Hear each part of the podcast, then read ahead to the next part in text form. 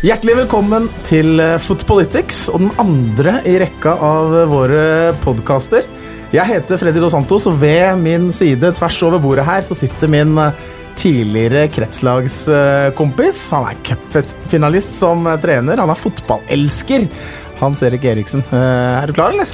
Det er jeg, og jeg er veldig spent og forventningsfull til dagens uh, uh, sending, altså. Jeg må si det. og vi har fått uh, supre gjester med oss, og jeg ser at du er i slaget òg. Ja, det, jeg har gleda meg skikkelig til oppfølgeren til vår første. Det er jo det har vært gøy å komme i gang med dette, men for de som ikke har hørt, eller de som ikke helt har skjønt hva greia vår er, hva er egentlig Fotpolitics, uh, Hans Erik?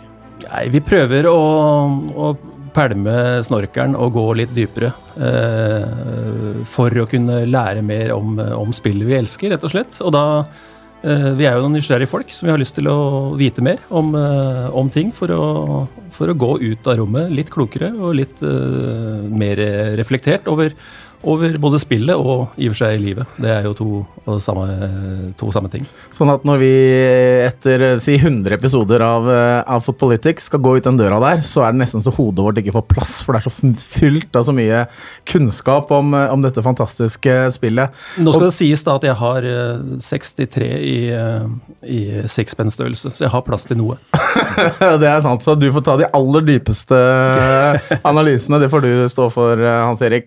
Men altså norsk fotball ruller og går nå. Eliteserien er i gang, Obos-ligaen, toppserien spiller for fullt. Uh, og så har vi hatt to veldig viktige EM-kvalifiseringskamper, og det er jo disse to vi skal snakke om. og da er det jo godt å ha skikkelig ekspertise på plass. Ja, ja, og det, det Altså, alle har jo sett kampene, og noen uh, spørsmål sitter vi igjen med, alle sammen. Og da har vi jo uh, Vi leita øverst først, og fant, og det, det, er vi glad for.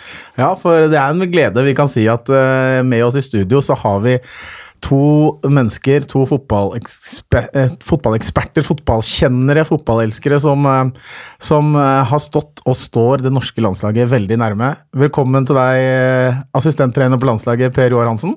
Tusen takk. Fra nå av kalt Peri, er det greit? Den går helt fint, det. takk, takk, for det, og ikke minst til deg også, tidligere landslagskaptein i fotball for vårt kjære herrelandslag, Brede Paulsen Angeland. God dag, god dag. Har dere det fint? Dere, liksom, hva, hvordan er liksom stemninga nå i fotballkroppene deres, nå som eh, sola begynner å skinne og det begynner å, å bli grønnere og grønnere i gresset? Ferry?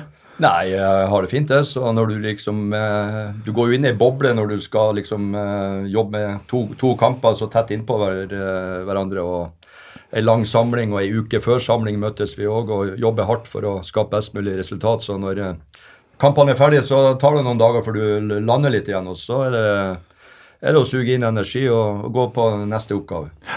For uh, Brede, du, du, uh, altså fjorårets sesong for landslaget var jo helt strålende. Det var et av de beste landslagsårene vi har hatt. Uh, og så kom vi inn i denne tøffe EM-kvaliken med to knalltøffe åpningskamper. Hva var dine forventninger sånn for, for landslaget på vei inn der? Nei, nå har jo jeg eh, brukt store deler av livet mitt på å spille for landslaget. 91 kamper ble det til, til sammen. Og min viktigste erfaring der var jo at, eh, at det er utrolig vanskelig på, på, det øverste nivået å få resultater med et norsk landslag. Så jeg har nok en, en noe mer realistisk tilnærming til landslagets muligheter mot motstandere som Spania og Sverige enn en det mange eh, ellers i befolkningen har.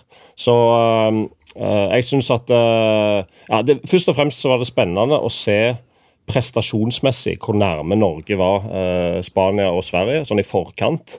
og jeg syns vel kanskje at en sitter igjen med en liten skuffelse i forhold til prestasjonen. Resultatene var OK, omtrent som forventa mot de motstanderne, men litt skuffa at Spania og, og Sverige var, var, egentlig ganske klart bedre enn Norge. Eh, Hans Erik, er det samme inntrykket du sitter igjen med etter de to landskampene?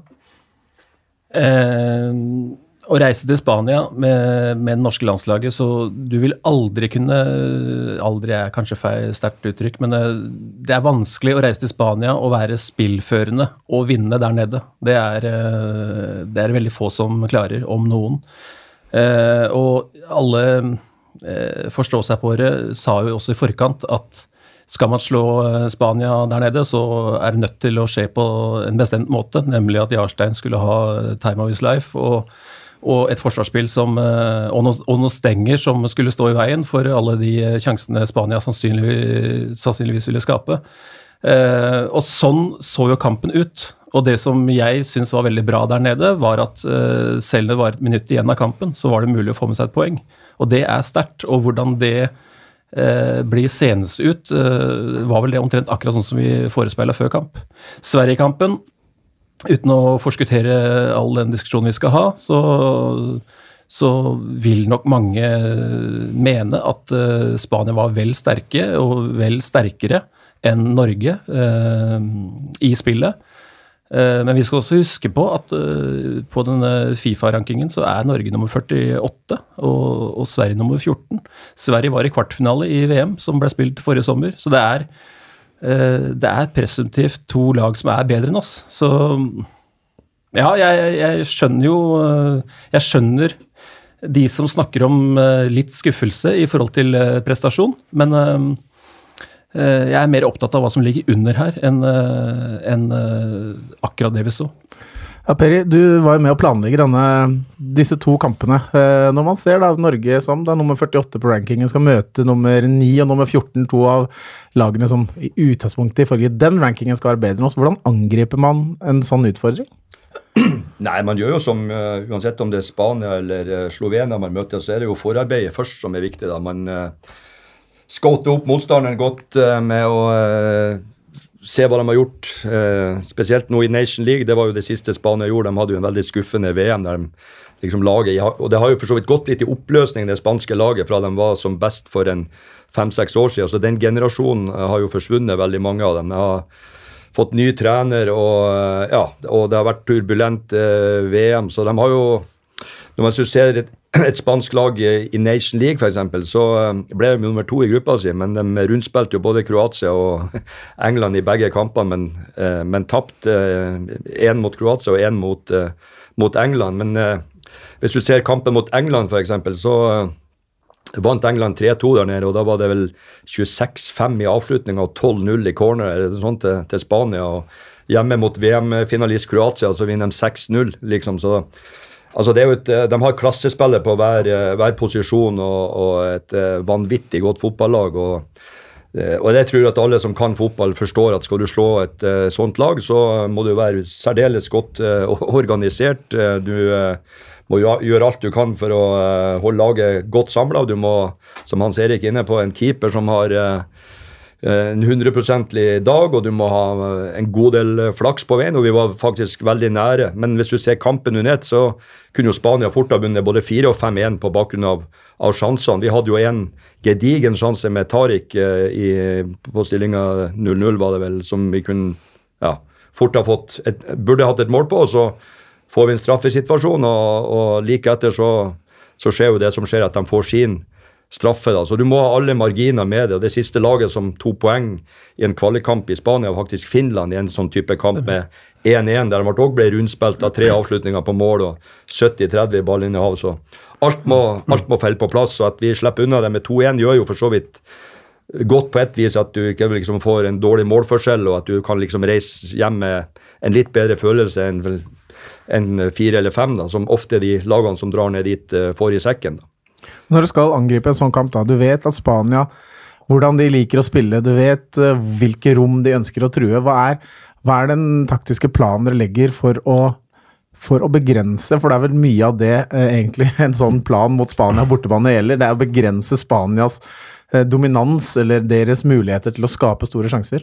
Ja, altså alle vet jo, Det er derfor jeg sier at det var de kanskje de letteste lagene vi har scouta noensinne. Det er jo Spania og Sverige. Vi vet jo nøyaktig hva som kommer. og Når vi tar Spania først, så vet vi hva som kommer.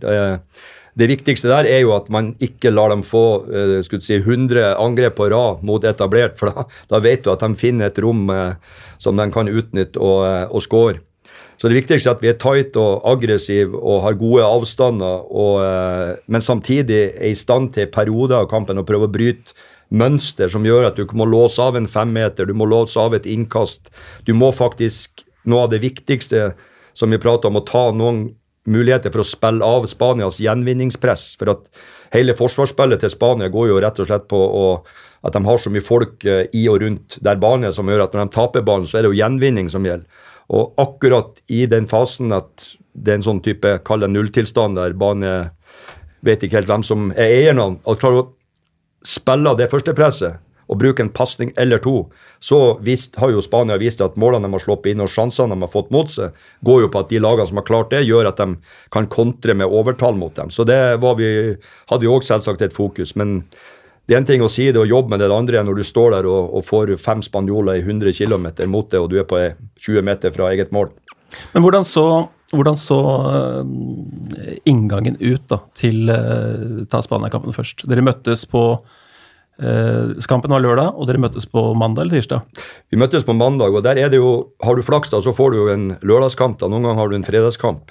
og som jeg sier at Folk som kanskje ikke helt er klar over det, så er det ganske stor forskjell på et landslag og et klubblag. Du, jeg bruker å si at 90% av tida er spillerne i klubb, og der spiller de med ulike system, ulike taktiske innganger til kampene. De har ulike roller faktisk òg.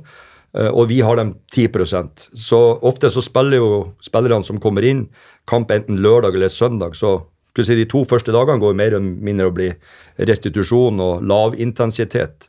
Så du kan jo egentlig knapt nok begynne å trene ordentlig før uh, tirsdag, onsdag, torsdag. Mm. Mm. Og så har du kanskje en rolig dag på fredag, kamp lørdag. Så det er jo tida som er uh, utfordringa for, for et landslag. Du har jo merka dette her mange ganger, Brede.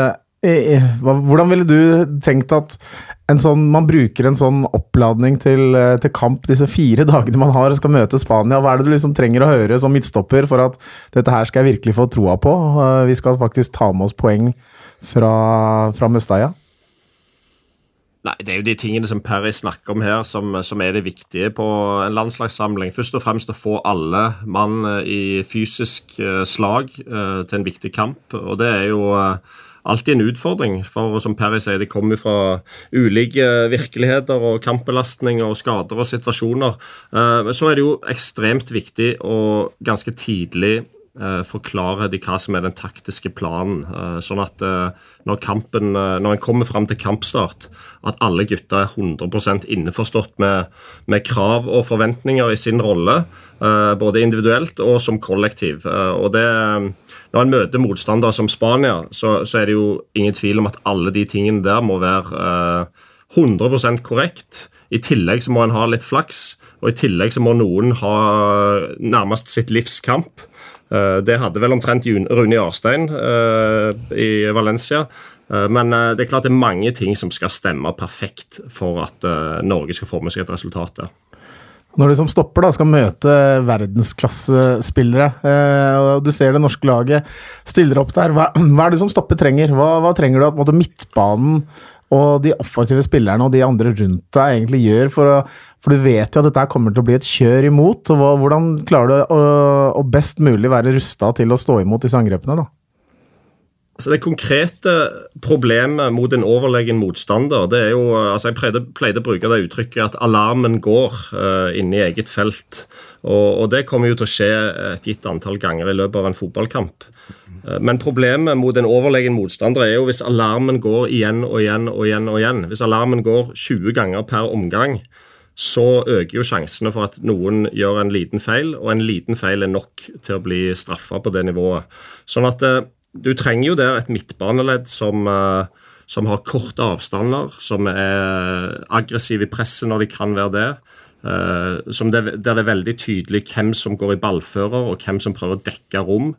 Og der eh, den midtbanefireren som, som vi hadde i Valencia, helt konkret må prøve å hindre pasningene opp i mellomrom. Sånn at uh, hovedmålet egentlig som midtstopper er jo å være så arbeidsledig som du kan være. Uh, det, det, er jo selvfølgelig utopi mot Spania, men uh, du prøver å organisere laget sånn at midtstopperne færrest mulig ganger må ta vanskelige valg. Og Perry, hvordan, hvordan, hvordan angriper man et lag som som du vet, Busquets spiller den dype rollen på midten, og han er blant de aller beste i verden til å tre opp på uh, medspillere i dette mellomrommet mellom våre midtbanespillere. Hvordan løser man? Hva var den taktiske planen for å løse og, og, og beskytte våre midtstoppere? da? Nei, hvis du sier Forsvarsspillet til oss er jo et reindyrka soneforsvar. og Vi spiller jo det uavhengig av hvem vi møter, Spania eller Sverige eller hvem som helst. så Det viktigste der det er, jo, det er jo først at vi har et uh, spisser som gjør en god jobb som første pressledd. og Der jobber vi jo med at vi forsøker å tvinge motstanderen og prøve å få dem til å spille ut på utsida av oss og, og lede dem ut i korridoren. Uh, og så flytta vi jo da selvsagt over med, med, med resten av, av, laget, både midtbaneledd og, og back. Så det er jo det, er jo det viktigste, at vi, førstepresset, at, at vi klarer å styre ut førstepasningen ut i en korridor. Og så vet vi jo sånn som Spania, der de ofte ligger med to stoppere, en buskets, de flytter folk opp i mellomrom, de ligger med backene som vinger og vinger som inn i banen, pluss en spiss. De ligger ofte med fem og tror uh, tre og fire rom uh, samtidig. Og det visste vi jo, og vi visste òg at, det kom. Så det viktigste der var jo at når det å få dem til å spille håndball nærmest rundt oss, at vi får dem til å vende fra side til side, slik at de ikke spiller gjennom det. Og, så er, og klarer du det, så handler det om å håndtere boksspillet. For at det går så fort, og de er så presise, og løpene er samtidig, som gjør at uh, når, Til oss vil vi jo at bekken går Ofte blir jo det bekken til oss går i press på den spanske bekken. Mm. Og så er jo kantspilleren som forsvarer på innsida for å spare løpemeter. Og når det skjer, så er det jo ofte at ettersom vi jobber med at når bekken går i, i press, så flytter stopperen på ballsida ut, og så er ofte den sentrale midtbanespilleren til oss som ramler ned som en ekstra stopper, slik at vi har minst tre foran mål. Uh, og Da handler jo selvsagt det å se både ball og mann og, og, og være våken og klare å ta ut motstanderen din, for et forenkla bilde på det. Hans Erik, det var jo sånn vi så. Vi så en del At de kom, sånn som eh, Peri snakker om, på mange av disse løpene. Kom til innlegg, spesielt fra vår høyreside i, i første omgangen der. Og det endte til slutt med at Rodrigo fikk uh, slått den inn. Hvordan skal man forsvare seg når Jordi Alba kommer igjen og igjen, og Dani Parejo og disse De kommer på disse løpene til stadighet. Hva er det som gikk galt i den situasjonen? Ja, men da, Teorien er jo, som Peri er innom her, teorien og det å scoute Spania er jo ganske enkelt. Og så finnes det ikke så mange eh, kamper i landslagsfotballen hvor, hvor, eh, avstanden fra teori til praksis eh, er et godt stykke. For det, som Peri sier her, du skal Dette er eh, virkemidla for å begrense, stoppe, hindre Spania, men alt må skje utrolig kjapt samtidig. Og det som eh, Brede er inne på her, da, med at alarmen går, så, så kommer det ganske mange situasjoner hvor alarmen går nettopp på det her. og Én uh, ting er at stopper skal ut i det farligste rommet Spania har lyst til å slå assist fra. En annen ting er at uh, det skal gå like fort at en sentral midtbanespiller responderer på den bevegelsen uh, i takt med alle bevegelsene Spania gjør inni 16-meteren. Det er, dette er nesten ekstremsport. Så Eh, teorien på det er jo krystallklar. Og så er det det å ha spillere som er fleksible nok til å, og kjappe nok i huet til å respondere godt nok der ute. Og så kan man alltid stille spørsmål om eh, hvor mange spillere du skal ha i hvert ledd. Som eh, kanskje kunne vært med å, eh, i hvert fall i perioder av kampen, forenkla eh, eller begrensa rommene Spania hadde. Så eh, forflytningene til spillerne kanskje ikke hadde vært så store.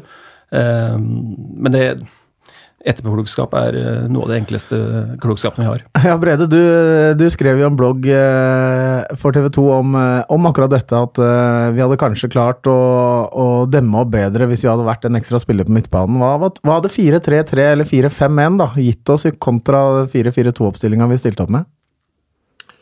Dette er, en, dette er, jo en, stor diskusjon og debatt som har, som har vært i norsk fotball i, i, mange mange år. og La meg først si at, eh, at jeg syns måten uh, Lars Lagerbäck og Parry har uh, styrt gjennom spesielt 2018 i 4-4-2, det, det, var en stilstudie i, i den formasjonens kvaliteter. Altså, Argumentet for å ha 4-4-2 er, er jo ganske klart at hvis du klarer Uh, og, og, stå imot med en firer på, på midten, uh, som jo er det, det spørsmålet, uh, så har du altså to mann framme og kan skape store problemer for motstanderen. Så du blir ikke bare stående og ta imot angrep som en bokser trygt opp i hjørnet. Så, så, det er jo i teorien bra. Men jeg syns jo delvis mot Spania, og spesielt mot Sverige i andre omgang, at at våre forsvarsverker i 4-4-2 uh, eh, delvis kollapsa. Altså det ble for enkelt Uh, å komme gjennom en midtbane som ikke klarte å forflytte seg raskt nok, som ikke klarte å, å stenge pasningsalternativene. Og uh, i perioder så syns jeg at, at, det norske laget så ut som de hadde veldig behov for en, et midtbaneanker i den såkalte Rekdal-rollen. Altså den som ligger rett foran stopperne og gjør at det blir enda større grad en blokk foran der. Og så kan en si sånn at Selvsagt så blir uh, den store testen av 4-4-2 den blir mot uh, toppnasjonene, som, som, Spania og Sverige er. Uh, men jeg syns at, at, det var ganske gode argumenter La oss spesielt ta andreomgangen mot, mot Sverige. Der var det ganske gode argumenter for å gjøre en endring og forsterke midtbanen med en ekstra spiller, når Sverige igjen og igjen klarte å utnytte det rommet foran våre midtstoppere. Ja da, jeg syns jo mye av det du sier er interessant. Og, og, eh, og, det er jo sånn med fotball, du spiller kampen eh, forlengst og erfaren baklengs, og så er det jo sånn at eh, det du sier at vi, vi, ønsker jo ofte å ha fem i midtbaneleddet mot spesielt de beste. Da, at den ene spissen eh, ramler ned som en ekstra skjerm foran de to sentrale. Som, og ikke minst at de samtidig klarer å styre førstepasningen ut. Og ikke minst eh, så handler det òg det her og alltid når du prater om spill mot spill, så er det jo ene ting hva du får lov til sjøl, og det andre hva motstanderens eh, styrker gir det problemer med. og det er klart, eh, det er ganske Tross alt så tror jeg også spillerne, og vi var veldig bevisst på at eh, Nation League i all ære, det var én ting, men her må vi opp to hakk. Og da går det jo selvsagt først og fremst på forflytning og, og holde laget samla. Når du ser f.eks. Svergekampen, så ser jo vi òg at Eh, en ting er at du kanskje har en opplevelse der og da på benken, og det skal man alltid passe for som trener å si så veldig mye i, i pausen og akkurat hva som er dårlig. og Hvis du ser kampen om igjen, så, så ser man at uh, i første omgang er vi ganske bra, faktisk. Vi styrer kampen uh, og er det beste laget, syns jeg, da, objektivt sett òg. Og så de tre sjansene Sverige får i første omgang, er jo på stygge ballmiss av oss, uh, der vi er på vei framover, vi mister ballen ugunstig og, og rett og slett gir Sverige tre veldig store muligheter. Og så syns jeg, på bakgrunn av det du sier om andreomgangen, at det rommet foran stopperne ble for stort i perioder. Det er jeg helt enig i, og det er Lars òg enig i. at eh, at dybdeforholdet mellom eh, Ole Selnes og Markus Henriksen i, i, i, perioder ble for flatt, som gjør at den ene ikke klarte å skrine bort mye av rommet opp mot uh, Markus Berg. Og det andre store utfordringa var jo at kantspillerne våre lå for bredt i perioder, som gjør at mot gode lag så blir du spilt igjennom. Så det er en sånn kombinasjon med at uh, kantene kunne, burde ha kommet mer inn, og vi har fått spille mer på utsida, og at vi har tatt av innlegg som da har kommet mer i boks. Istedenfor fikk de for mange ganger i andre omgangen uh, spill opp på spiss, uh, som la igjen til en kant eller midtbanespiller, og der kunne etablere spill. da. Og Så må man òg få lov å si at både Jeg tror den straffen de fikk, var billig pga. at dommeren gjorde feil, at vi fikk et gratismål på den offsiden i, i første omgangen, som tror var en medvirkende årsak. Og Hvis du ser de to målene Sverige får, går jo det på en to resten reflection. altså Den ene går jo uh, via Håvard Nordtveit, som hvis ikke han har kommet inn i det rommet, så har jo ballen gått midt på Rune Jarstein. Og det andre er jo at han, svensken kommer rundt fra kanten og skyter en i låret. så ja, så, Men sånn er, er det jo. Så vi, vi, så jo det samme, men uh, jeg tror at hvis vi har klart å og fått kantene mer inn og litt mer dybde i midtbaneleddet, så tror jeg òg en firer på midten skal klare å, å gjøre det samme mot såpass bra, bra nasjon som, som, Sverige. Da. Var dere inne på tanken på å endre noe når, når dere leda 2-0 og du så at man ble pressa litt eh, bakover der? Nei, altså, Lars har jo hatt sitt 4-4-2 som konsept, eh, og, eh, og har jo ståltro på uansett at hvis vi gjør de oppgavene vi skal gjøre 100% rett, så er det det beste for for et underdog som oss, etter i hvert fall noen to år når guttene kan rollene sine så godt som de kan, og konseptet er så krystallklart som det. Eh, så hvis du skal da begynne å endre noe som Brede er litt inne på, med at du skal kanskje røre om til fem på midten, når den ene skal ligge dypere foran stopperne, så er jo det noe du må øve på, trene på og forankre og jobbe med. og eh, vi mener jo at det konseptet vi har hatt nå, er så krystallklart og, og, og eh, kjent for spillerne at, at, eh, det er noe som vi ønsker å jobbe videre med. og I tillegg har du det der med to spisser, da, som Brede er inne på. at du har alltid to spisser du kan slå på og få noe ut av det. og Det visste vi òg i kampen mot Sverige, at det fikk vi jo. Hans Erik, tenker du at uh, det norske landslaget istedenfor å ha denne doktrinen om 4-4-2 som det nå har blitt, eh, burde være mer pragmatisk når man møter bedre motstandere? Da burde man kanskje ta hensyn til deres styrker og, og gjøre endringer? Eller, eh, eller, forsvarer du på en måte at vi, det er 4-4-2, og det eh, skal fungere hvis vi gjør det bra nok uansett? Jeg tror Hvis du slår opp eh, pragmatikk i ordboka, så kommer det et bilde av en, en kjent eh, svenske som heter Lars Lagerbäck. Så det blir feil å bruke ordet pragmatisk, egentlig, men eh, jeg er litt mer opptatt av fleksibilitet. Eh, og lurer på eh, om hvorfor 4-4-2 er best uansett. Og spørsmålet blir egentlig om fleksibilitet, altså det å evne å endre seg nye, med nye situasjoner. om det kunne forsterka konseptet til Lars, og og hvorfor man ikke velger å tenke den tanken? Svar kort på det, så er, jo, er vi jo opptatt av at det finnes jo 100 forskjellige filosofier i fotball. Jeg tror det er viktig at du velger én som du tror på, spesielt med et landslag der du har så lite tid til rådighet med å øve inn det konseptet. Uh, og Vi er jo veldig opptatt av at vi er klare på å fortelle spillerne hvorfor og hvordan du vinner fotballkamper. Og forklare nøye hvorfor at den måten vi jobber på, er det beste for oss som en eh, som en underdog. Og Hvis du ser det med fleksibilitet, så ta på eksempel Nation League, da Spania møtte England f.eks.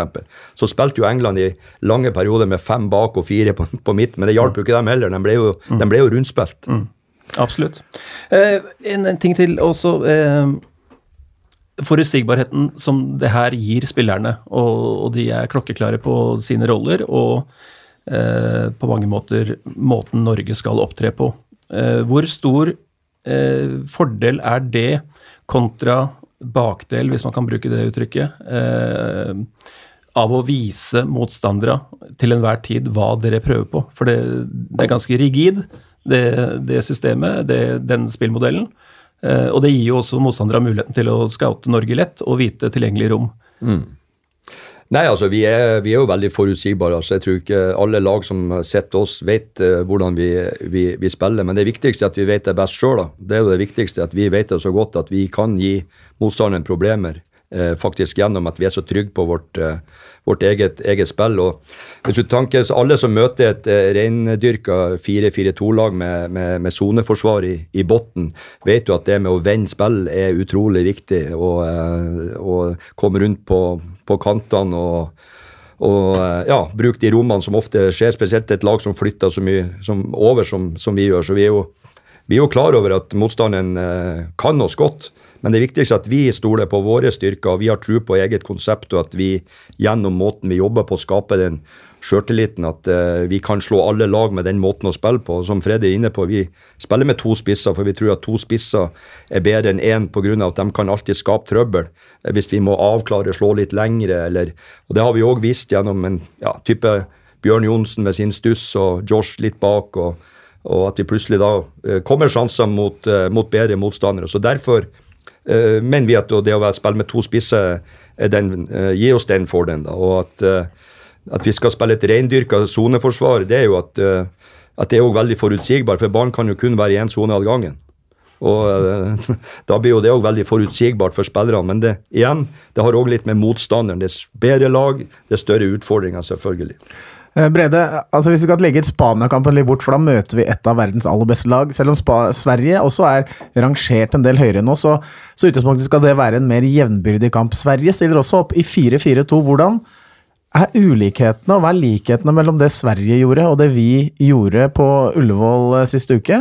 Eh, og hva var det Sverige gjorde bedre da enn eh, Norge? Nei, Det er jo to lag som, som prøver å spille akkurat på samme måten.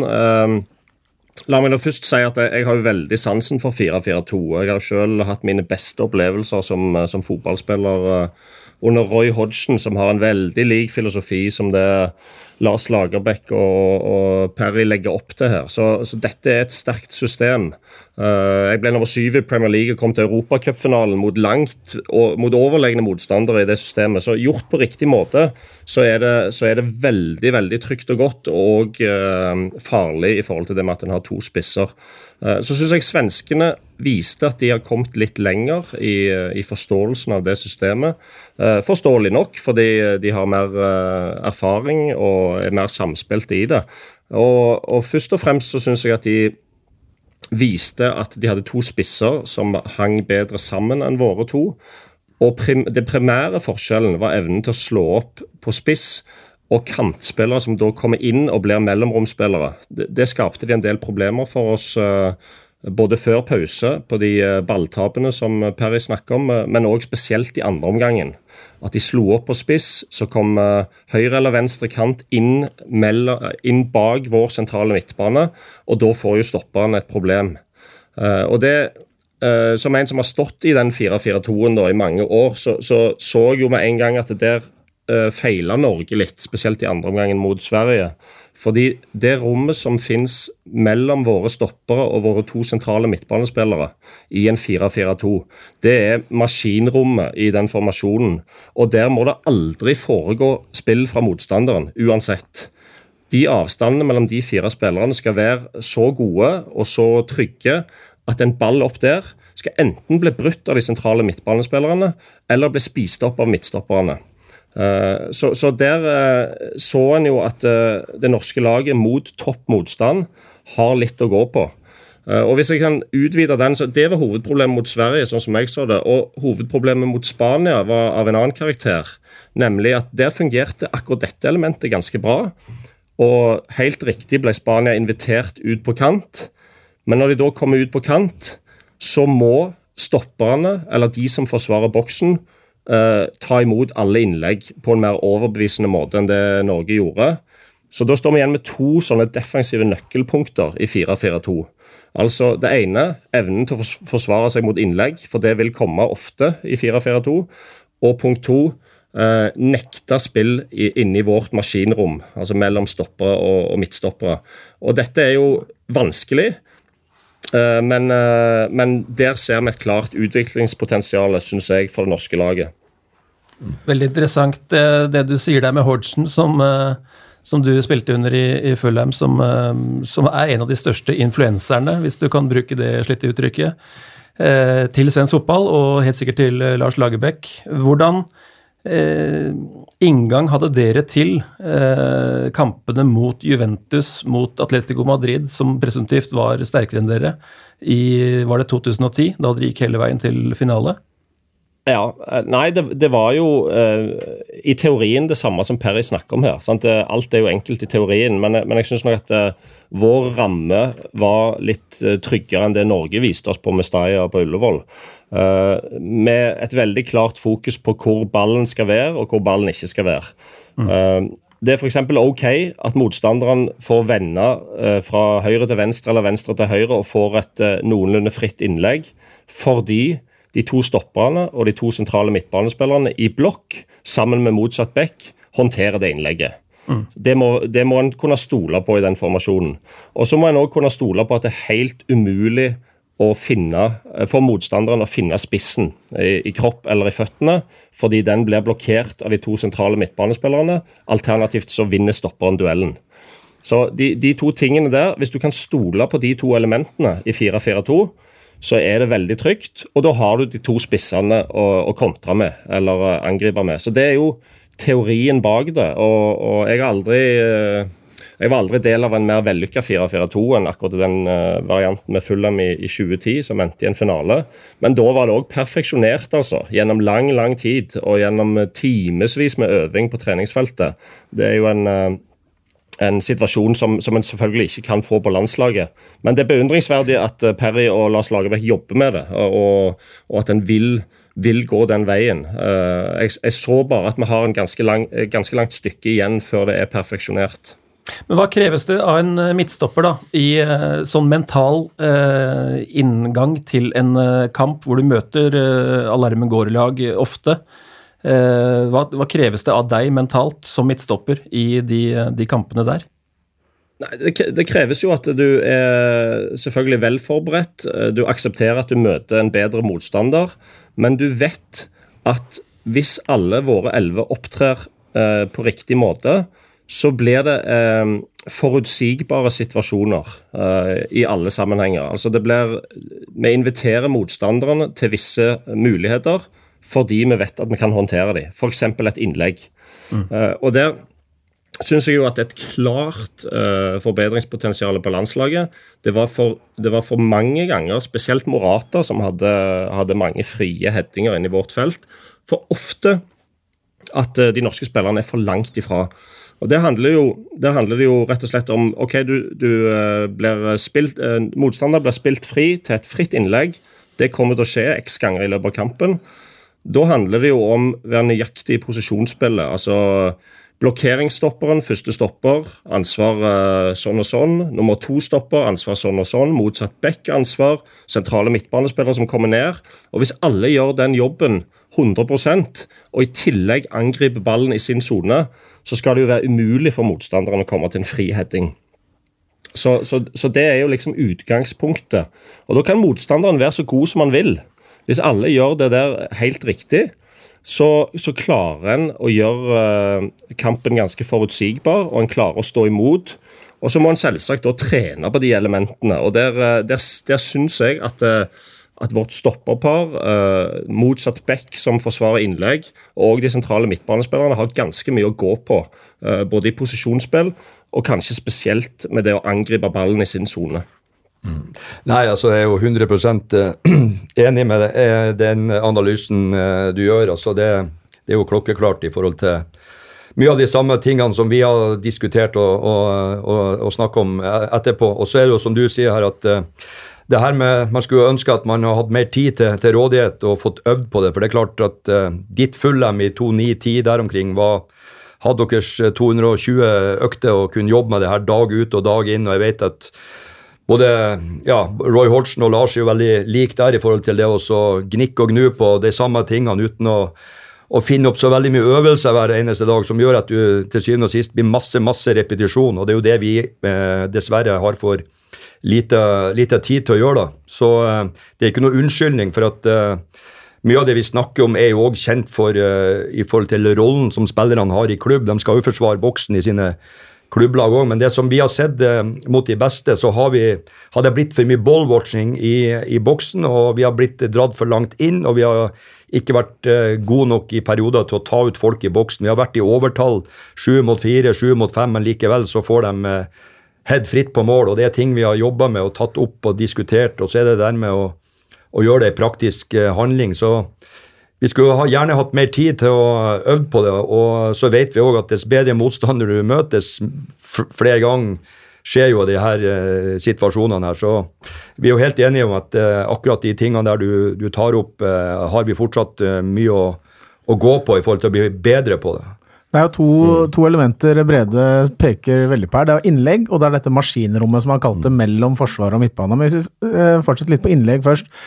Hvis det da kommer til Sverige slash Spania klarer å spille seg fri på si vår eh, venstre side, da, og kommer et innlegg.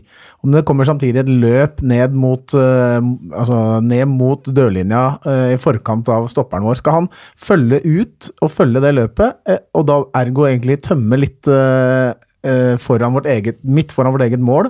Sånn at uh, det, vi blir en i manko der, for det skjedde vel kanskje til en viss grad mot, mot Spania på det første målet. Da var det riktignok fra andre side. Nei, altså I en, i en, gitt situasjon så skal jo bekken gå ut i, i press på den som, ofte, den som slår innlegget. Det skjer jo ofte. og Så skal jo kanten forsvare på innsida. Så skal jo stopperen på ballsida flytte litt ut og ha litt ansvar for det rommet i forhold til om det kommer løp inn der. Uh, og så skal jo det i en perfekt verden sånn at uh, den sentrale midtbanespilleren skal rekke å og droppe i, i det rommet som eh, stopperen på ballsida forlater, pluss motsatt stopper inn og motsatt back. Og Så er det òg viktig å få på plass den, den sentrale midtbanespillerne rundt og i og rundt straffeområdet, og at motsatt kant òg er med å forsvare eh, boksen. Og Det der skal jo skje samtidig i, i en perfekt verden, og mot de beste så Eh, så eh, er det jo noen ganger at eh, det ikke går av. Det er jo derfor at, fotball, at det skåres mål i fotball. Jeg sier jo at det skåres mål i fotball pga. seks ting. og Det er jo at det er for dårlig press på ballfører, det er for dårlig sikring, og det er du følger ikke løp bakfra, ergo det med type Morata og midtbanespillerne som kommer inn i boks. Du gjør personlige feil pga. at du ikke er på plass og knoter deg til, eller du er ikke fokusert godt nok. Uh, og det, uh, Noen ganger så skårer motstanderen flotte mål uten at du nesten kan hindre det, og så er det jo dødballer. Det er jo de områdene der det skåres mål på grunn av. Og vi så dødballer mot Spania. Var jo, da sleit vi fælt, men mot Sverige vi, kom jo, hadde vi kommet oss veldig på det. Men når det gjelder dette mas uh, maskinrommet som Brede snakker om, da, hvor, som Sverige spesielt, eller kanskje etter at Isak kom inn, var veldig flinke mm. til å komme inn i mellom våre to måte, solide uh, ledd, forsvar og midtbane, og fikk vente opp, fikk kombinasjonsspill og fikk angrepet derfra. Hvordan hvordan konkret jobber dere med å, med å, begrense mulighetene til, til Sverige og Spania der? Nei, altså jeg tror også mye det her handler om kultur, faktisk. Og I, Sverige har man en veldig 4-2-kultur. og Hvis du da begynner med spissene, så har det litt med den svenske kulturen å gjøre. At de lærer ganske tidlig i alder at, uh, hvordan du skal forholde deg og samhandle som et spisspar. Vi har ikke den samme kulturen og forståelsen i Norge, tror jeg. da. Nå er jeg bare hive ut en påstand.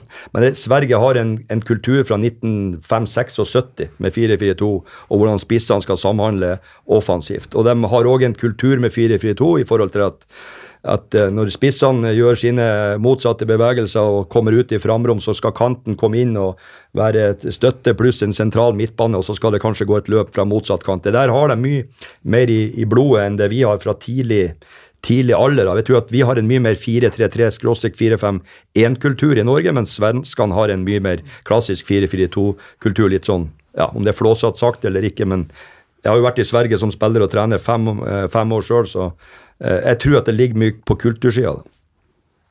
tror jeg er riktig å tenke. Og så er det jo ikke helt uvesentlig å, å snakke enkeltspillere da. Og vi har eh, Jarstein i mål, og vi har King på topp, som er eh, som er veldig gode spillere i den ligaen de spiller, og det er topp fem-ligaer de to er i. Eh, og kvaliteten på de eh, imellom her er jo ikke like høy. Eh, og ofte litt lavere enn eh, en spillere vi møter på lag som, som er ranka bedre enn oss. Da. Så alle som har spilt fotball, vet at det er vanskelig å møte en som er bedre enn det. For ting går litt fortere. ting Eh, de tenker litt kjappere, de har en mer økonomisk teknikk som gjør at eh, ja, du, du, du blir satt litt eh, til veggs noen ganger. Og da, da er det klart et, et, et utrolig sterkt kollektiv er jo medisinen mot det. Jeg tenkte også på en ting til, Bredde, i forhold til og deg og Perry. Du har en forventa kampplan, eller en kampplan du har lyst til å gjennomføre, og så blir kampbildet kanskje litt ulikt det du har eh, sett for deg, eller om det er også helt likt. Hvor, hvor eh, slutter kampplanen og eh, frykten for å miste, eller eh, iveren etter å ta igjen? Hvor, eh, hvor, kommer det her inn i bildet? Og kanskje spesielt da vekta mot Sverigekampen?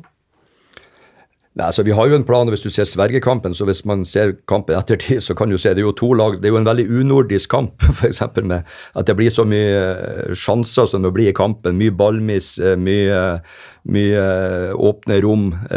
Vi har vært innom det meste her nå, at det blir så mye sjanser. Det er vel kanskje en åtte sjanser til Sverige og fem-seks til oss. Det er jo veldig sånn unordisk. Så jeg tror jo hvis du spør den svenske treneren, så han jo heller ikke han trodde at kampen skulle bli som man blir. Men vi trodde jo at det kom til å bli en kamp med få sjanser, veldig tight og, og, og, og tett. da. Men det ble det jo ikke. Det er jo det som er rart med fotball noen ganger, at du, du, har en plan i forkant, og så kan den planen bli helt annerledes pga. at kampen blir helt annerledes. Så Én ting er at du har en plan sjøl, og så er det jo alltid sånn at uh, den planen og hva du får lov til, handler jo veldig mye om hva motstanderen gir deg lov til, og hva god den er. Nå har vi snakka en del om det defensive, hvordan vi klarte å, å, presse Spania ut på sidene, hvordan Sverige klarte kanskje å utnytte våre, uh, våre svakheter sentralt i midtbanen mellom ledda våre. Men hvis vi skal gå over litt til det offensive spillet, uh, Brede. Uh, hva tenker du om det Norge klarte å prestere da, borte på Mestalla, en utrolig vanskelig arena, og hjemme mot, mot Sverige her på Ullevål? Jeg, jeg, ser jo eh, mange av disse 4-4-2-mønstrene i, eh, i, praksis. Og det som Perry snakker om, er jo helt korrekt, selvfølgelig. Borte på uh, Mestaya så må en være forberedt på at uh, det øyeblikket der du vinner ballen, det er så avgjørende. Altså Evnen til å ha ro og oversikt uh, og klare å treffe medspiller med den første pasningen der. Uh, da, da har han jo gode muligheter.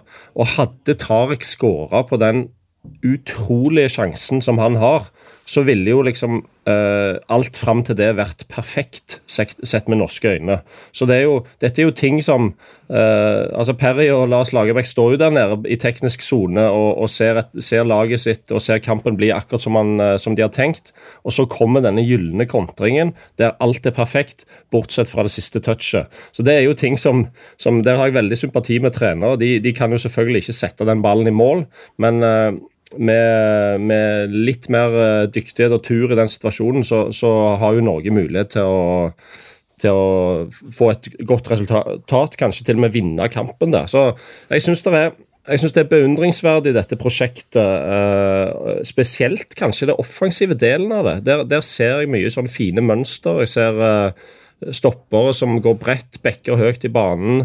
Uh, sentrale midtbanespillere som prøver å spille opp. Og så denne relasjonen mellom bekk og kant, der bekk er bredt, kant går litt inn i banen. To spisser som jobber sammen.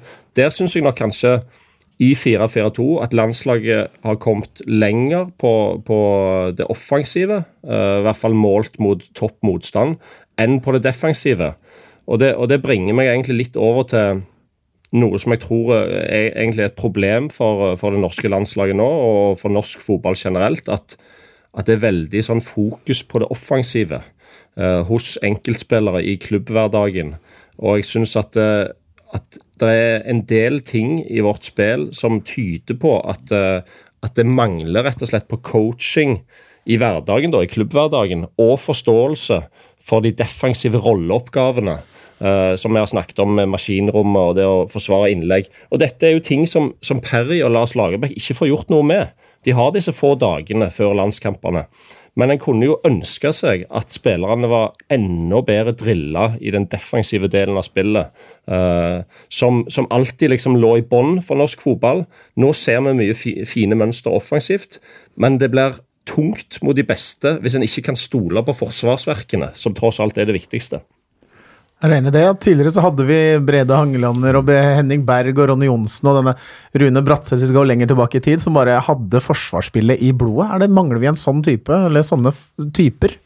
Ja, det kan man jo, det syns jeg er en interessant eh, diskusjon. For vi hadde jo, som du sier, vi har alltid hatt veldig solide midtstoppere som òg har hatt solide posisjoner i sine klubblag som midtstopper. Og du ser jo på et landslag, vi er jo veldig avhengig av at spillerne spiller i klubbene sine, og at de har en viktig rolle. Hvis du ser de spillerne som har vært midtstoppere på det norske landslaget i de siste 20 årene, så har de, de aller, aller fleste hatt veldig framtredende roller i, i, sine klubber. Vært kaptein eller uh, topp i hierarkiet. og det er jo en, en, gang sånn at det er viktig for et landslag at, at du har de type spillerne som er sjef og, og, og, spiller 40 kamper i året som midtstopper og er leder i sine respektive lag på et uh, høyt nivå.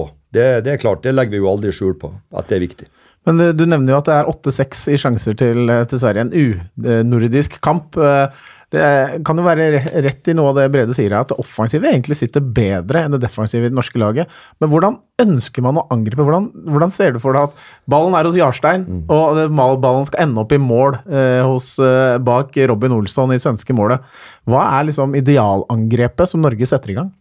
Nei, altså, Vi har jo veldig stor grad av kreativitet, variasjon, faktisk, i, i vår måte å, å, å, spille på offensivt. Så hvis du ser, så jobber jo veldig mye par, kan du si. da. Altså, Backkant på, på begge sidene er på en måte et par der, der uh, de kan bytte plass, switche, der backen går høyt og kanten inn i banen. Du har to stoppere som skal være igangsettere. Du har to midtbanespillere vi ønsker med en litt mer dybde og en litt foran. De skal jobbe parvis, eh, jobbe for å gjøre seg spillbar. Eh, to spisser tett sammen, der motsatte bevegelser og at de er i nærheten av hverandre hele tida, som gjør at du kan gå på en, en stuss. Eh, kan, vi varierer jo med å spille kort, vi varierer med å spille langt, og vi har jo i mange kamper synes jeg har vært veldig bra, spesielt i den første fasen der vi har hatt to stopper, og den ene sentrale midtbanespilleren ramla ned på utsida eller sentral, så vi har backa høyt, så vi har kommet og spilt oss fint forbi det første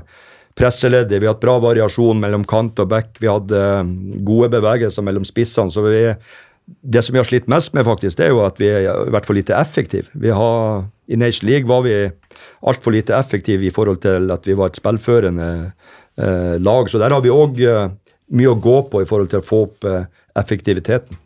Hvor ligger tyngdepunktet i inngangene til kampene på trening? Er det Nei, Det er jo som Brede sier, at vi, en, vi, vi, vi, skjønner hvem vi er, og det tror jeg er veldig viktig. Vi, må skjønne hvorfor og hvordan vinner du fotballkamper som en underdog. Og Det, det budskapet syns jeg spillerne har kjøpt på en veldig god måte. Det, de skjønner at hvis Norge skal nå et sluttspill, så må vi være meget og solid defensivt uh, organisert. Så du klarer å si at uh, veldig mye av de få treningstimene vi, vi, har til rådighet, går jo på å drille og trimme laget i etablert forsvar. Uh, Jobbe mye med spissenes evne til å styre første pasningen ut. Jobbe med forsvarsspill på egen banehalvdel, egen boks, for deretter kun eh, kontre eh, gjennom kontringsmønster, som vi òg har mye å gå på, syns vi sjøl. At vi kan bli bedre til å, bli, å, å, å kontre. Men du kan si at 80% av tida går på å organisere laget defensivt eh, i spill eh, på egen halvdel og i boks, og ikke minst òg dødballer, som eh, er viktig. Hvor mye, eh, hvor mye, låser dere til den fasen, altså etablert forsvar, kontra det å henge på f.eks. overgangen forsvar til angrep? Ja, hva tenker du på der? Nei, når, du, når, du, ligger i, i strukturen deres mm. og trener og, og, bruker mye tid på det, hvor mye tid bruker du da på å forlenge den sekvensen til også å avslutte angrep ja, da, etter vinnball? Det, det, gjør vi selvsagt. At vi har den gulrota at når vi vinner ballen, så, så, jobber vi jo eh, en god del av treningene òg med å avslutte det fra vi vinner ballen til at den skal ligge i motstanderens mål, at vi skal juble. Ja, det gjør vi. Brede, vi har nå ett poeng på to kamper eh, mot de to antatt tøffeste motstanderne i, i gruppa. Eh, så kommer det jo flere landskamper utover, da, der Norge kanskje går fra å være den underdogen vi snakker om eh, nå, til å være favoritt i kampene. Hvordan tenker du at Norge skal angripe disse? Har du noe råd å gi til, til Perry og, og Lars Lagerbäck? Nei, jeg tror ikke de To så intelligente fotballmenn trenger ikke råd, men, men jeg tror vi kan uh, konkludere med at uh, kampene mot alle de andre motstanderne i vår gruppe, uh, det, det, vil jo bli litt mer sånn type 2018-kamper, der Norge var særdeles imponerende, syns jeg, totalt sett. og der en må liksom klare å fange motstanderen i, i vår 4-4-2 og samtidig ha den kontringsstyrken og de mønstrene som vi snakker om. Så jeg har veldig stor tro på at, uh, at det kan bli positive resultater mot, uh, mot Romania og mot Færøyene og mot Malta. Det, det, burde være innafor for et norsk landslag, hvis de bare klarer å stå i den utviklingen de har hatt lenge nå. så så, så, blir det bra. Og så tror jeg jo at, eh, at Perry og Lars må tenke seg veldig nøye om før de to uh, returmøtene, hvis vi skal kalle det det, mot, mot Spania og Sverige. For, for de beviste at de, de, var på et litt høyere nivå enn oss. Uh, og så er det selvsagt mulig å ta poeng fra de òg, og det kan være nødvendig å, bli, å ta poeng fra de. Uh, så, så, det er jo det som kanskje til syvende og sist kommer til å avgjøre om, om gruppespillet blir en suksess eller ikke. Det er borte mot Sverige og hjemme mot Spania. Ja, nei, jeg er jo fullstendig enig i det. Og så er jo eh, Romania et lag som eh, faktisk er mye bedre enn en, eh, kanskje folk er, er, klar over. De er jo, Hvis man skal bruke denne Fifa-rankinga, som ofte stemmer ganske bra, så er de på nummer 24 eller 25 eller noe sånt. og eh, Vi er på 48.-plass, så i utgangspunktet er jo skal jo de være litt bedre enn oss, og, og de har jo òg vist gjennom Nation League at de var veldig nære på å vinne gruppa si. De har òg spilt et år nå uten å tape før den kampen nå mot uh, Sverige. Og det er et, et solid lag som selvsagt blir en nøkkel for å fighte om den, eh, den andreplassen. Hvis du tar med deg det du har lært eh, fra, fra disse kampene, eh, og nå skal angripe de tre neste, hva blir viktig å ta med seg, og hva er viktig å forbedre et lite knepp for å, for å få med oss de poengene vi, vi har så lyst på? Nei, altså Vi møter jo, som, som jeg sier, eh, Romania er jo på nivå med, med Sverige. Der. De var bedre enn Sverige i andre omgangen eh, på, på Råsunda, nei, på Friends, i forhold til han som var og så den kampen for oss. Og, og det er klart, vi må opp på, på, på et eh, på samme offensive nivå som vi hadde mot, mot, Sverige. Og så er det jo som Brede inne på, vi kan ikke liksom slippe til så mye sjanser mot sånne lag, for da blir du hardt straffa. Så vi vi må, tilbake til å være et kompakt lag. og ekkel å spille mot og veldig disiplinert. Og så uh, må vi fortsette å, å, uh, å, å, tro på det vi gjør offensivt uh, på, med det konseptet vi, vi jobber med, med, der. Og så Og, eh, og så syns jeg òg at spillerne har vist tross alt at de, har, eh, de er også skuffa over eh, kampen mot Sverige, og det syns jeg er godt å se. At du begynner å få ei gruppe nå som ja, Om du skal skape en vinnerkultur, men at de begynner, de begynner, de begynner, det blir ei gruppe som virkelig har lyst til å ta Norge til et EM, og du viser jo òg at de begynner å få en del kamper i beltet, som òg er jækla viktig da, for å få et landslag som skal fighte om f.eks. en andreplass. All statistikk viser jo at du må nesten ha en spillere med 40 landskamper i snitt for å liksom bli et sånt sluttspillag. Og nå begynner en del av uh, våre å få gode erfaringer. Jeg kan tenke meg sånn som Kristoffer uh, Ayer og Martin Ødegaard og Sande Berge og, og uh, den, den, den, generasjonen der har fått noe aha-opplevelser i de kampene her som de tydeligvis og forhåpentligvis tar med seg noe inn. At de òg nå opp noen hakk og har lært av de kampene her at her kan vi ikke slurve verken framover eller bakover. Du nevner jo noen enkeltspillere her, og det er jo, eh, det er jo hele Norge, Norges norsk fotballs drøm da, at Martin Ødegaard skal slå ut i full blomst på dette norske landslaget. og Ved å bruke han uh, på banen der, så, så gir du fra deg noen kvaliteter i defensiv struktur og løpskraft, antagelig. Uh, mens du vinner en del kreativitet og den X-faktoren. da. Uh, hvordan skal vi klare å utnytte hans ferdigheter enda større grad, nå da mot kanskje kamper hvor uh, han kommer oftere i de posisjonene? Nei, men jeg synes jo Han har vist nå at han har tatt steg i, i forhold til at det er saker han må jobbe med. for det, det, er klart, Du er ikke god eller dårlig alene i et, i et fotballag, du er god eller dårlig sammen med noen. og som sagt, Vi må eh, forsvare oss godt. og Da er vi avhengig av at vi alle gjør den jobben eh, 100% og Det syns jeg Martin har vist. Eh, at han har tatt store, store steg i, i, i forståelsen. og, og eh, og så er det jo sånn at I et klubblag da, så er det jo tilbake at der kanskje han spiller litt på en annen måte. så Dess flere ganger han er sammen med oss og, og får input på, på, hvordan vi forventer at han skal løse den rollen, dess eh, forhåpentligvis blir, blir han bedre. Og så har han jo kvaliteter med ball og, og et overblikk og en, eh, en, fot som kan avgjøre fotballkamper. og det er jo sånn for oss Når vi tar ut et lag, så må vi jo tenke på hvilke elleve kan vinne denne kampen i, i dag. Eh, vi er jo ikke opptatt av enkeltspillere, men vi er opptatt av å ta ut det beste laget. Så det er jo sånn som vi tenker. Hvordan uttaler man som trener, Hans Erik, det, hvis du har noen spesielle kvaliteter i laget, hvordan, hvordan, får du alle på laget til å skjønne at dette her er noe vi må utnytte? Ja, Aller først så har jeg bare lyst til å forlenge litt det Perry var innom her, med antall landskamper og det å få erfaring på et, eh, et høyt nivå. Og vi har også yngre landslag nå som, eh, som driver og kvalifiserer seg til sluttspill og får den erfaringa der og gjennom det. Og det, det, blir, det, er helt avgjørende for oss, og der har vi vært uh, ganske tynne i mange mange år, men nå, nå spiller U20-laget vårt eh, VM i, eh, i mai-juni. Um, i Polen, som er den erfaringa de spillerne får, gjør dem enda klarere for UN20, som igjen øker sjansen for å kvalifisere seg for viktige ting der, som igjen uh, gir oss uh, større kraft på, på A-landslag. Um, når jeg oppsummerte det, så glemte jeg spørsmålet ditt. det var sikkert ikke et godt spørsmål. Jeg lurte bare hvordan utnytter man Får man det kollektivt til å utnytte enkeltspilleres ferdigheter? Ja. Hvordan får man brukt Martin Ødegaards kreativitet, eh, Joshua Kings fart, som vi vel vet at er i begge deler kanskje våre aller største styrker? Ja, men Det var litt det vi snakka om i forrige podkasten vår. da, At uh, du, du, får og mister noe med Martin Ødegaard, men den relasjonen han og King og det, de tre, fire, fem mulighetene du kan kanskje få da i løpet av en kamp, til å spille den avgjørende pasningen, den er eh, Martin Ødegaard som er flinkest til å, til å servere.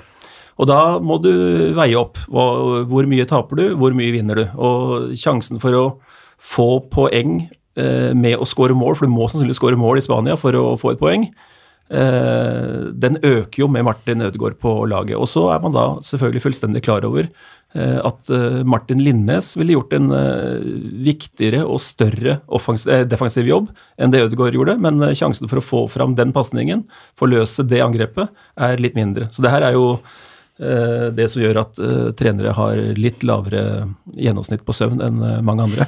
Brede, du har jo spilt med, med spillere som har fantastiske kvaliteter. Hvordan har du liksom tenkt at og Hvor stor grad tenker du egentlig som medspiller på at vi må jo få han i den situasjonen og få brukt de kvalitetene til han, for der er jo han best og kan gi oss noe ekstra. Hva, hvor mye er det i bevisstheten til spillere? Det er en stor del av det. Jeg tenker jo at i alle velfungerende lag så, så må alle elleve være grovarbeidere, men så har det noen få da, som i tillegg er eh, S-ene på kortstokken. og i, i, min tid så var jo det en, en type en Jon Carew, som eh, eh, da visste du at hvis alle forsvarte seg godt og jobbet hardt og jo, løste sine oppgaver fornuftig, så, så, kunne du slå han opp på Jon Carew, og så kunne han gjøre resten. Og Martin Ødegaard er jo en, en sånn spiller som har ferdigheter som går langt ut på Eh, de fleste andre, eller alle andre norske fotballspillere. Eh, men jeg liker jo det som Perry sier, at eh, alle må jo først og fremst gjøre grunnjobben, og det inkluderer Martin Ødegaard. Og, og så må en liksom prøve å få, få, satt opp, prøve å identifisere de situasjonene der det går an å få satt opp toppspillerne i situasjoner der de viser sitt beste. Og For Martin Ødegaards vedkommende så er jo det liksom rettvendt i mellomrommet. Uh, kommer fra høyre kant innover og kan slå en pasning til Joshua King f.eks. Den situasjonen må en jo prøve å Uh, søke så ofte som mulig. Uh, samtidig som en må sette det samme kravet på Martin Ødegaard som alle andre når det gjelder defensiv uh, innsats. og det er jo en sånn det er en ekstremt viktig greie på landslaget. Eh, fordi eh, nå kommer jeg aldri til et sluttspill, selv om jeg prøvde mange ganger. Men de gangene vi var nære, så, så handler det jo, som eh, dere er helt riktig inne på, om nok rutine i laget, nok forståelse hos den enkelte til å gjenkjenne altså hva er suksesskriteriene for et norsk landslag. Jo, det er steinhardt arbeid, det er perfekt organisering og så gjenkjenne de situasjonene. Om det den gang var en Jon Carew i bakrommet, så er det nå en Martin Ødegaard i mellomrommet og King på, på løp. Det er dødball, det er kontringer, det er disse tingene her. Så selv om spillerne eh, lever i totalt forskjellige virkeligheter i klubbhverdagen, så må en så godt som mulig klare å, å skru alle inn på samme, eh, samme oppskrift når en kommer på landslaget og så få gjentatt det nok ganger, sånn at det rett og slett sitter i ryggmargen. Eh, da begynner du å få eh, et, et solid landslag som kan ende opp i et sluttspill.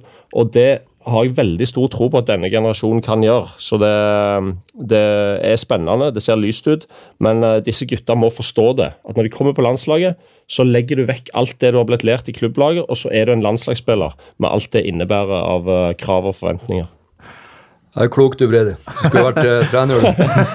det, er, det, er, veldig lett for oss som har pensjonert oss. Nå har vi forstått det. Men, Nei, men jeg er jo, jeg er jo 100 enig med det. Jo fortere de kan forstå det, jo bedre er det. Ja, det, det og, og det er jo liksom, det er utfordringen dere i trenerapparatet har.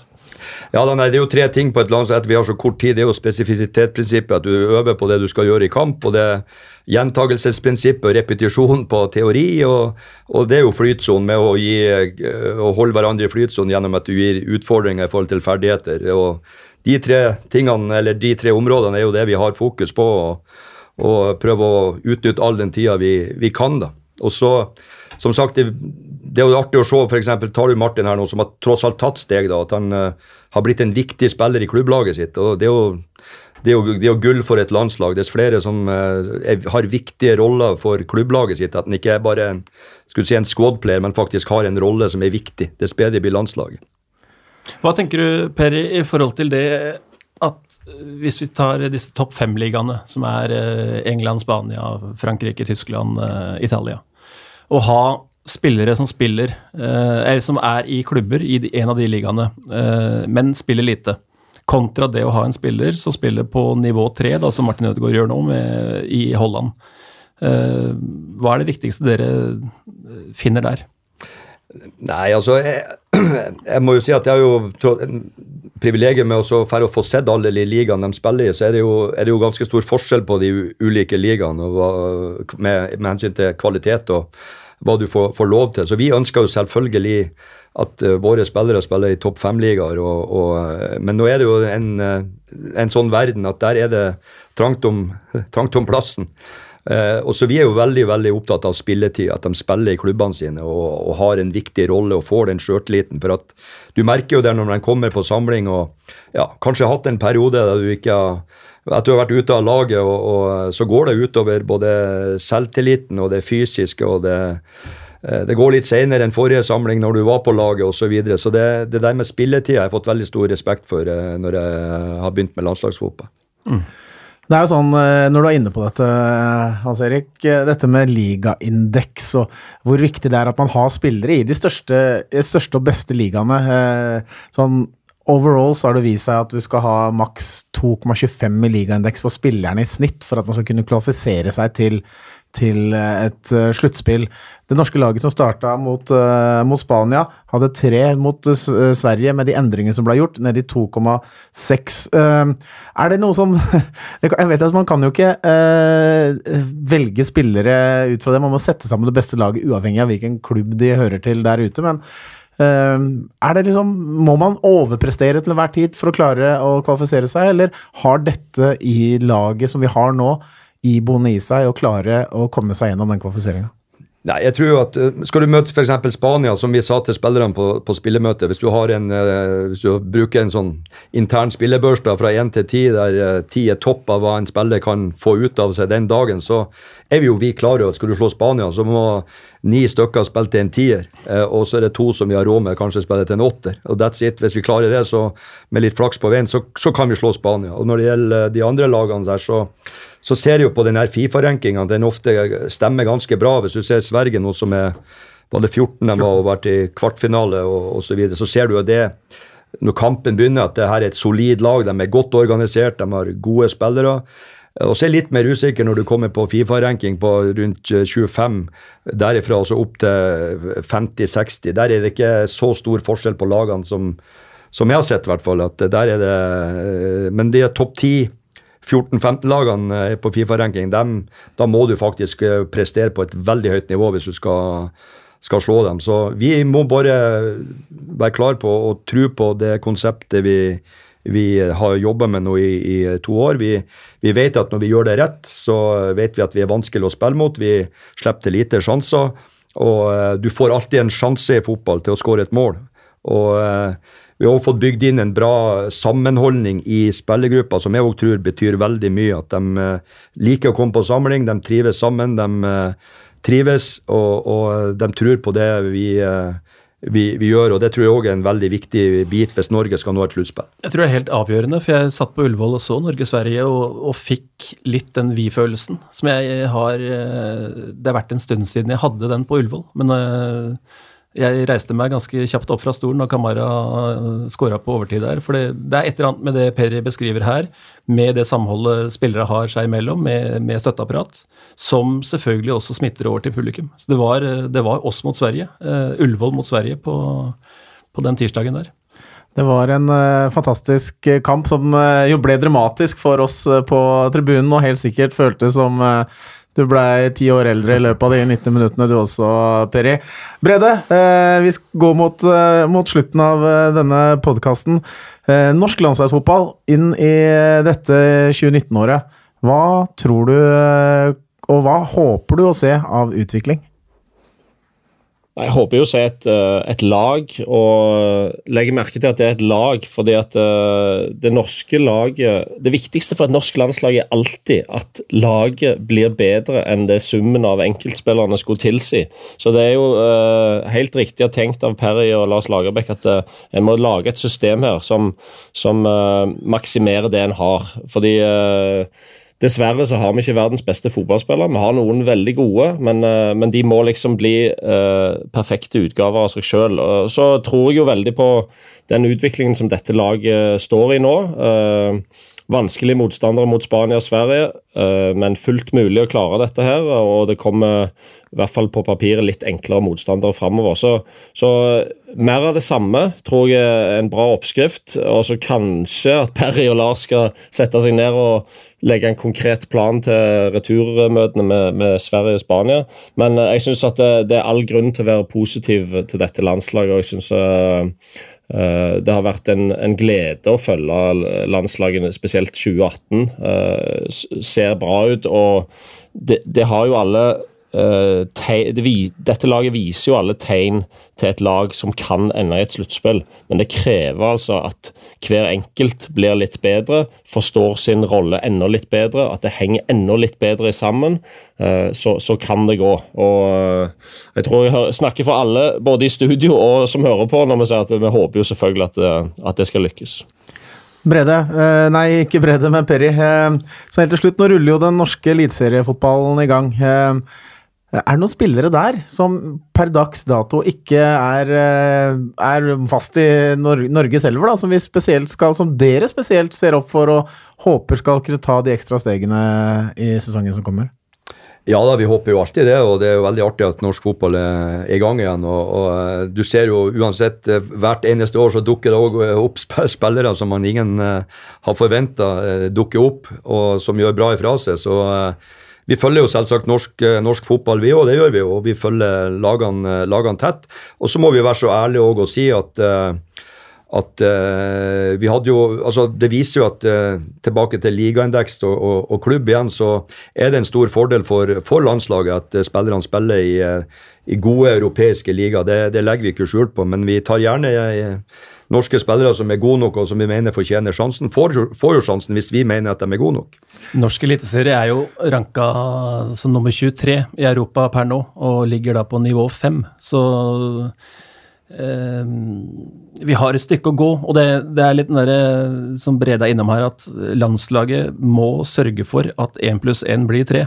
Uh, og så må alle som jobber i klubbfotballen også kjenne på vi-følelsen og og evne å produsere bedre spillere enn en indreløper som skal passe akkurat til det rigide 4-3-3-systemet de ønsker å oppflaske spillere i. Fordi vi veit at uh, europeisk toppfotball så, så, kreves det fleksibilitet, og du trenger spillere som rett og slett håndterer mer enn bare den isolerte indreløperrollen i en eller annen uh, ikke navngitt klubb akkurat nå. Det får være siste ord til dere talentutviklere og trenere der ute i det store land. Utvik dødsgode, kjemperaske, superbra tekniske spillere med med fotballforståelse. Det er det vi eh, trenger. Tusen takk for at dere hørte på der hjemme. Eh, husk å rate oss da på iTunes eller eh, Spotify. Så må jeg si tusen takk til det som også er vår deilige redaksjon som vi har i ryggen her, Hans Erik. Det er Vidar Gjengedal Hansen, Ole Kristian Amundsen og Anders Stensås. De gjør en uvurderlig jobb i, i planleggingsfasen og gjennomføringsfasen av disse podkastene og i etterkant. Eh, og så ikke minst takk til Perry for at du kom. Brede, du også eh, vel ganske opptatt med engelsk fotball om dagen? Ja, jeg er jo det. Men la meg si at jeg syns det er utrolig kult at noen går i dybden på selve spillet. For uh, fotball er jo noe som opptar mange, og mange er opptatt av uh, alt mulig rundt spillet og dommeravgjørelser osv. Men det som virkelig gjelder, er jo selve spillet. Om det er 4-4-2 eller 4-5-1 eller hva det er. Detaljene i sjakkspillet. Det er det som gjør at en til syvende og sist vinner eller taper.